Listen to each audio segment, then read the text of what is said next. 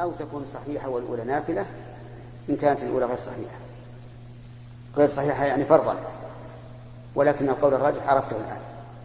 أنك إذا جئت والصفوف تامة فصلي مع الإمام ولو كنت منفردا. نعم. فضيلة الشيخ بارك الله في علمكم. يوجد عندنا في مثل هذه الأيام آه، سنويا في عيد عندكم في إيش؟ وين هو في؟ في كينيا في كينيا أي نعم بين لأن إحنا الحين بعنيزه نعم. كما هي معلوم إن الآن ما الذي يوجد عندكم؟ يوجد الفعل يفعلون في السنة إيه. في كل سنة نعم مثلا النصارى يحتفلون عيد عيد الميلاد عيسى نعم في كل سنة الآن المسلمون جعلوا هناك عادة يجتمعون لمدة ثلاثة أيام يذبحون ويسوون المحاضرات فيما بينهم. وقالوا بدلا أولادنا وجماعتنا يمشون مع النصارى نجمعهم في مكان ونؤكلهم. ما حكم هذه الذبيحة؟ هل يعتبر يعني مشابهة للكفار؟ وهناك ما يتبادلون فيما بينهم الهدايات بين النصارى. هل فيها شيء؟ بارك الله فيك. نعم فيها شيئان ما هو شيء واحد. الشيء الأول مداهنة هؤلاء النصارى بإقامة عيد في الإسلام كعيدهم. وهذا يعني أنهم قد رضوا بهذا العيد من النصارى. والرضا بعيد النصارى يقول يقول ابن القيم رحمه الله في كتاب أحكام أهل الذمة إن لم يكن كفرا فهو محرم قطعا. الرضا بشعائر الكفر ما هو ليس بعيد فهذا حرام ولا يجوز. أما الشيء الثاني فلأننا إذا أقمنا مثل هذه الآية فإن النشأ الصغار سيعتقدون أننا عيدنا كما عيد هؤلاء. ولا يعرفون أن مراد أهليهم أن أن ينشغلوا بهذا عن أعياد الكفار. وستذهب الغيرة من قلوبهم بناء على هذا الظن الذي ظنوه. ولهذا نرى أنه لا يجوز أبدا إحداث عيد مضاهاة لهؤلاء النصارى ولكن من الممكن أن يدرسوا أولادهم أن هذا ليس عيدا لنا. هذا عيد للكفار وليس لنا فيه دخل. وأما تبادل الهدايا فهذا موضع نظر وموضع خلاف بين العلماء. منهم من قال لا بأس أن نقبل هديتهم إذا أهدوا إلينا في هذا اليوم ومنهم من يقول لا لأن قبول هديتنا يشعرهم بأننا راضون بفعلهم وأعيادهم. ولا شك أن السلامة أسلم. أي أن لا يقبل هديتهم في هذه بهذه المناسبة فإنه أسلم لدينه وعرضه. في نعم. الذبيحة لم يذبحوها لغير الله. هم إنما ذبحوها لله لكنها ذبيحة بدعية. نعم. بسم الله الرحمن الرحيم. فضيلة الشيخ إذا صام الإنسان يوما ارفع صوتك اسمع الناس. إذا أراد أن يصوم يصوم يوم. نعم. وفي منتصف اليوم آه، أراد أن يفطر. فقال إذا إني أريد أن أفطر. فذهب يعني ذهب يأتي بطعام فإذا به لم يجد لم يوفق في يعني طلب الطعام أو وجود الطعام. فقال إذا أنا إني صائم. يعني تغيير النية يا شيخ. في هل الصوم فرض أو نفل؟ نفل. نفل. صيام النفل لا يلزم إكماله. إن شاء الإنسان أفطر. لكنه لا ينبغي أن يفطر إلا لسبب. لأن الإنسان إذا شرع في طاعة الله عز وجل فإنه لا ينبغي العدول عنها إلا إذا كان هناك سبب. شرعي يقتضي أن يفطر مثل أن يقدم إليه ضيفان ولا يرون إكرامهم إلا بأكله معهم أو ما أشبه ذلك من الأسباب فهنا الفطر أحسن. أو يدعوه إنسان إلى إلى وليمة ويرى هذا الداعي أنه لا تطيب نفسه حتى يأكل هذا هذا الصائم فالأكل أفضل. وأما بدون سبب فلا. فلا ينبغي أن يفطر وإن أفطر فلا حرج عليه. أما إذا نوى الإفطار كما في السؤال نوى الإفطار لكن ذهب ليتناول الطعام فإنه يكون مفطرا سواء وجد الطعام فأكله أم لم يجده. لكن إن لم يجده ونوى استئناف الصوم ونحن نتكلم على أن الصوم نفل فإنه فإن له ذلك لكنه لا يثاب على هذا اليوم إلا من النية الثانية. فإذا نوى في, في نصف النهار فليس له إلا أجر نصف يوم فقط. هذا إذا كان نوى الفطر لكن ذهب ليأكل. أما إذا قال سأذهب إلى المطعم إن وجدت شيئا أفطرت وإلا فأنا على صيام فهذا لا ينقطع صومه حتى يجد ما ما يأكله فيفطر. نعم. شيخ أحسن الله إليك. كلمة معنى الأمي. إيش؟ الأمي. نعم. الذي لا يعرف الذي لا يقرأ ولا يكتب. نعم. هل تأتي على غير هذا المعنى؟ في قوله تعالى بعث في الأميين رسولا. نعم. نعم. الأمي هو الذي لا يقرأ ولا يكتب. نعم. لكنه عند الفقهاء الأمي من لا يحسن الفاتحة. حتى لو كان يقرأ ويكتب وهو لا يحسن الفاتحة فهو أمي. لكنه لكنه في الأصل في اللغة العربية هو الذي لا يقرأ ولا يكتب نسبة إلى الأم. يعني كأن كأنه مولود الأم مولود اليوم خارج من أمه. ومعناها في وأما هو الذي بعث في الأمين رسولا فهو رسول بعد أن بعث. لا الأميين هنا هم معناها هل هم الذين لا يعرفون الأميين يعني يعني بذلك العرب. المشركين مثلا. العرب عموما. العرب لا يعرفون الكتاب ولا ولا القراءة. نعم.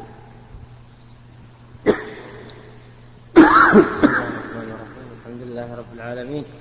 والصلاة والسلام على نبينا محمد وعلى آله وصحبه أجمعين. أما بعد شيخ السؤال يدور حول من بذر بذر. وسقاه. وأتى الطير يأكله أيضرب الطير؟ نعم. أيضرب الطير؟ إيش؟ أيضرب الطير ويترك البذر؟ يعني أن رجلا بذر بذرا فتسلطت عليه الطيور. سقاه بالماء. سقاه منه وتسلط عليه الطيور. نعم. هل يجوز أن يقتل الطيور؟ الجواب نعم.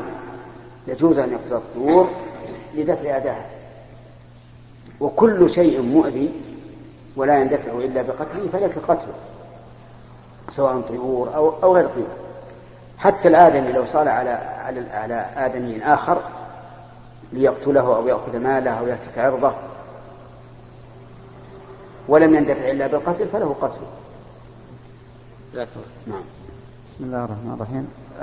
بالنسبة لل... فإن قال قائل ما هو الدليل في, في, في مسألة الآدمي؟ الدليل أنه ثبت عن النبي عليه الصلاة والسلام أن رجلا سأله قال يا رسول الله أرأيت إن جاء رجل يطلب مالي؟ قال لا تعطيه مالك لا تعطيه مالك.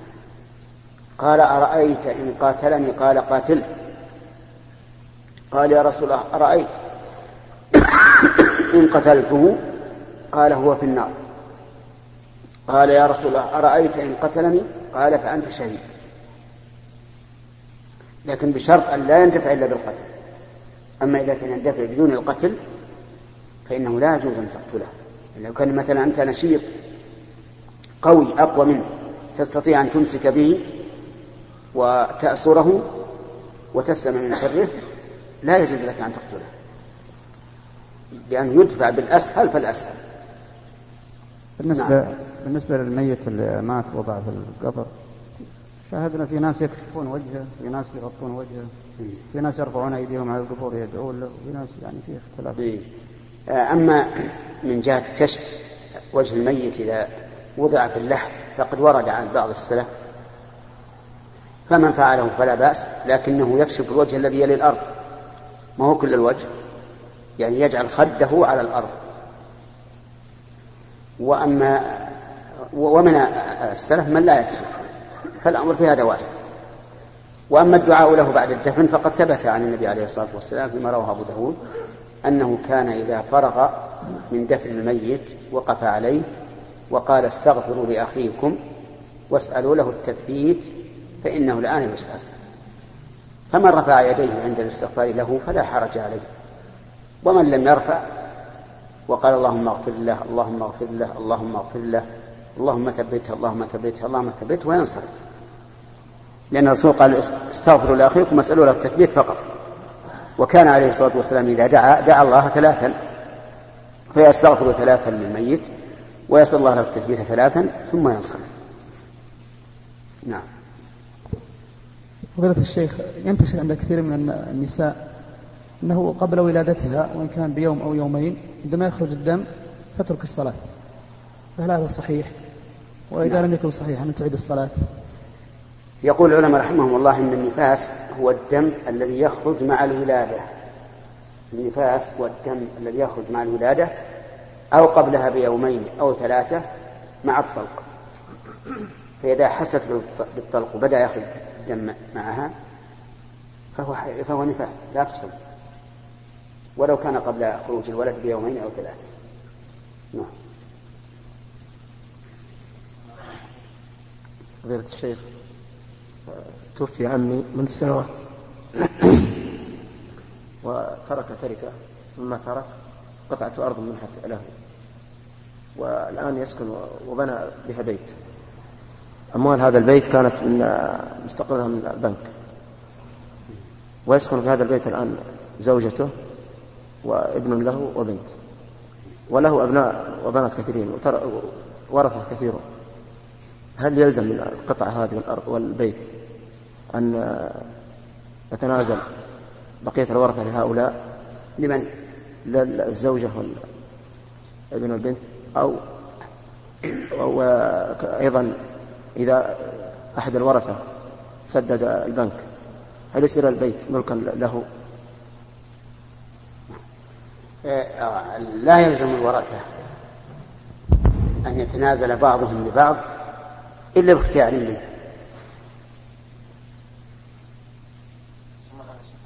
وأما من سدد دين البنك فإنه يثبت له على بقية الورثة ما ما ينالهم من من من التسديد حسب الملك وليس له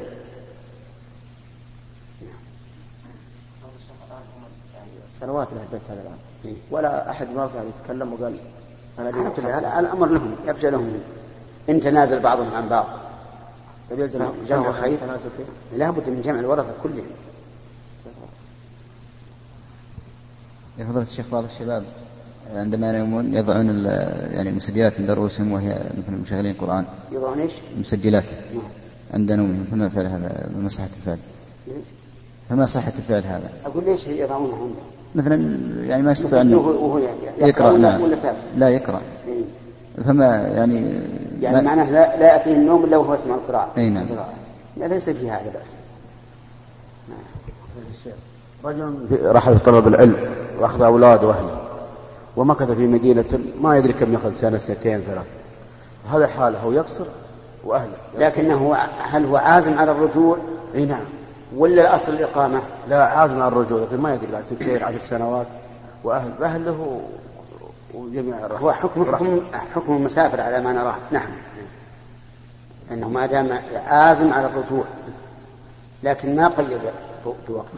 فحكمه حكم المسافر. الأهل يجمعون ولا يسرون أصبر إذا كان حكمه حكم المسافر فالرجل يلزمه أن يصلي مع الجماعة. لكن إذا فاتته الصلاة فله أن يقصر. والنساء لهن أن يقصر. أما الجمع فالأفضل أن لا تجمع النساء لأن الجمع لا ليس بسنة إلا عند الحاجة إليه. عند الرجوع للزيارة الزيارة. نعم. عند الرجوع من الزيارة أبائهم عند إيش؟ عند رجوعهم للمنطقة حقتهم السابقة. نعم نعم. الزيارة. عند رجوع لا لا. عند رجوعهم إلى وطنهم؟ إيه؟ لا لا يقصرون. الزيارة يرجعون. ولو ولو كان لأنهم لا زالوا مستوطنين هناك. إذا راح هناك يكون يجي يصلوا صلاة كاملة. نعم نعم. صلاة كاملة. شيخ صلى الله عليك أحسن عليك. آه، في بعض الناس في صلاة الفرض يرفعون أيديهم بعد الدعاء. فما رأيكم؟ نعم. الدعاء بعد الصلاة ليس بسنة. لأن الله تعالى قال فإذا قضيتم الصلاة فاذكروا الله إلا في حال واحدة وهي صلاة الاستخارة. لأن صلاة الاستخارة قال فيها النبي صلى الله عليه وعلى آله وسلم إذا هم أحدكم بأمر فليصلي ركعتين ثم ليدعو. فجعل الدعاء بعد بعد صلاة الركعتين. أما ما سواها من الصلوات فليس من فليس من السنة أن يدعو سواء رفع يديه أم لم يرفع وسواء في الفريضة أو في النافلة لأن الله أمر بذكره بعد انتهاء الصلاة. فقال سبحانه وتعالى فإذا قضيتم الصلاة فاذكروا الله. وقال في سورة الجمعة فإذا قضيت فإذا قضيت الصلاة فانتشروا في الأرض وابتغوا من فضل الله. وإنما يقال للإنسان إذا كنت تريد أن تسأل الله شيئا فادعو الله قبل أن تسلم لوجهين الوجه الأول أن هذا هو الذي أمر به الرسول صلى الله عليه وعلى آله وسلم فقال في التشهد إذا فرغ فليتخير من الدعاء ما شاء. وثانيا أنك إذا كنت في الصلاة فإنك تناجي ربك وإذا سلمت انتهت المناجاة. فهل الأفضل أن تسأل الله في حال مناجاتك إياه أو بعد انصرافك من المناجاة الجواب الأول أن تدعو الله وأنت تناجي ربك.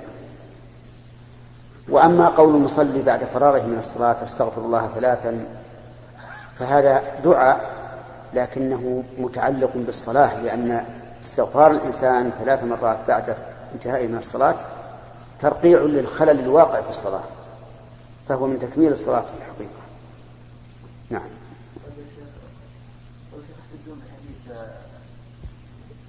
حديث أن الرسول صلى الله عليه وسلم بصلاه الفجر مع الحديث بعد انتهاء الصلاة التفت المؤمنين ورفع يديه.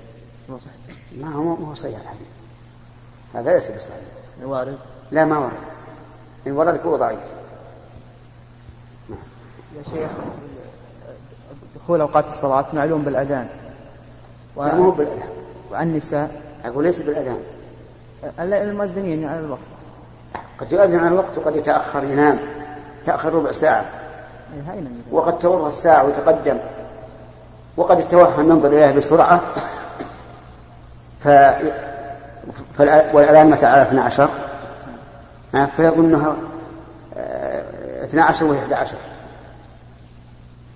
فالعموم يا شيخ. وقد سمعنا من أذن وفي أثناء الأذان سمعنا الناس يقولون له في الميكروفون ترى باقي ساعة باقي ساعة هم لا تبع العموم يا شيخ. أي. النساء يا شيخ يأخرون الصلاة. متى يحرم يا شيخ على النساء تأخيرها؟ وبارك الله فيك أوقات الصلاة والحمد لله واسعة. الظهر من وقتها من دخول وقت الظهر إلى دخول وقت العصر.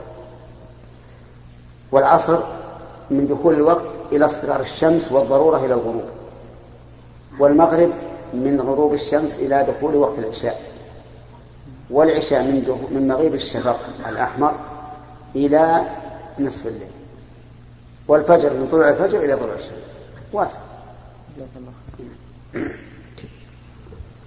فضيلة الشيخ أحسن الله إليه في بعض المناطق في بعض المناطق حضرت دفن الجنازة فوجدتم يضعون الطوب عن يمين الجنازة ويسارها ومن فوقها فما حكم هذا العمل؟ لعل الأرض رخوة ويخافون أن تنهد على الميت. الأرض ليست رخوة. فإذا كان كذلك فهذه حاجة.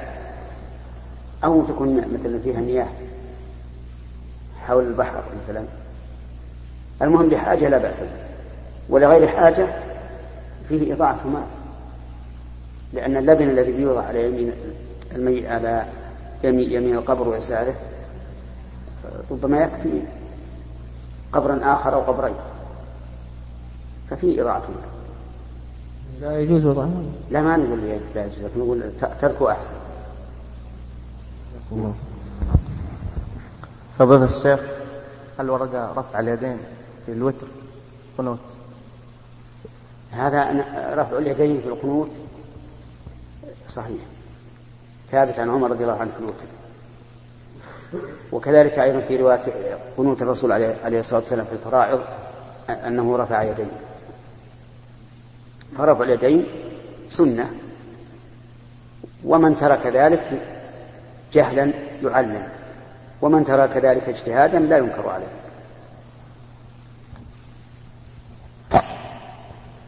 نعم.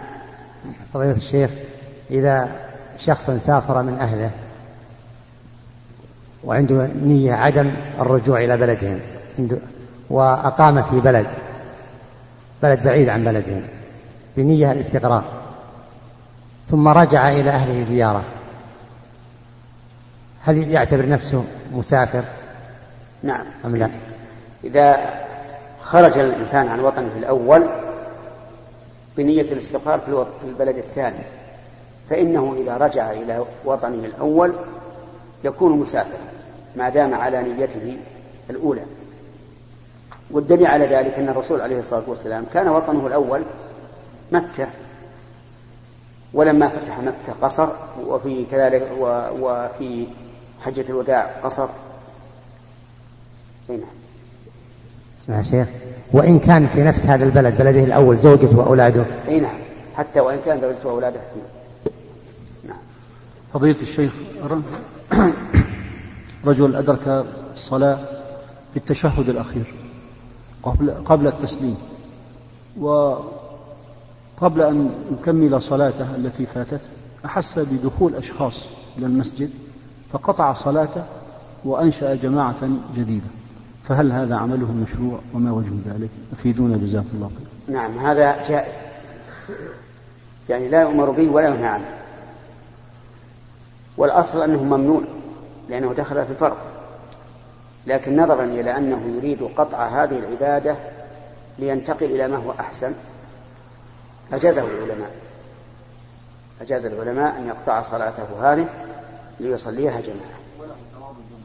وله ثواب الجماعة. واستأنسوا لذلك بقصة الرجل الذي جاء إلى النبي صلى الله عليه وعلى آله وسلم وقال له يا رسول الله إني نذرت إن فتح الله عليك مكة أن أصلي في بيت المقدس. قال صل ها هنا. فأعاد عليه. قال صل ها هنا فأعاد عليه. قال فشاء. قالوا فهذا لما أذن له أذن له الرسول عليه الصلاة والسلام أن ينتقل إلى الأفضل. وقطع الرجل صلاته هذه انتقال إلى الأفضل. نعم. السلام عليكم ورحمة الله وبركاته. رجل اشترى بضاعة آه، صناديق كبيرة. بضاعة يعني خضرة صناديق كبار. وبعدين وضعها في صناديق أصغر أصغر منها. وباع. هل هذا من التطفيف؟ هل هو يقول؟ نعم أولا آه الأخ صدر سؤاله بالسلام. ونحن قلنا فيما سبق إن هذا ليس بسنة. السلام للقادم. أما الذي معك فلا يحتاج أن يسلم ولهذا كان الصحابة رضي الله عنهم يسألون الرسول في مكان السؤال لا يسلمون أولا. لكن نظرا إلى أنه مجتهد أقول عليك السلام ورحمة الله وبركاته. إحنا قادمين يا شيخ من بعيد و... أي لكن جاء عندي من زمان. أما ما يتعلق بسؤاله فنقول إن كان هذا الرجل يوهم الناس أن هذه الصناديق قد اشتراها بعشرة مثل الصندوق. وهو قد اشترى الصندوق الكبير بعشرة ووزعه قسمين فيكون الصندوق الصغير بكم؟ خمسة. لكنه يوهم الناس وربما يقول لهم إن ثمن الصندوق عشرة. فلا شك أن هذا حرام عليه. وأن للمشتري إذا علم بالحال أن يرد السلعة. وأما إذا كان لا يوهم الناس وليس مشهورا عند الناس أن الصندوق بعشرة الصندوق الكبير فلا حرج عليه لأنه يقول للمشتري هذا الصندوق بعشرة تريد أن تأخذه خذ وإلا فدعه. فهمت؟ طيب. والآن انتهى الوقت لأنه أذن فأعان الله وإياكم على ذكري وشكري وحسن عبادتي وجزاكم الله خيرا ونفعنا وإياكم بما علمنا. السلام ورحمة الله وبركاته.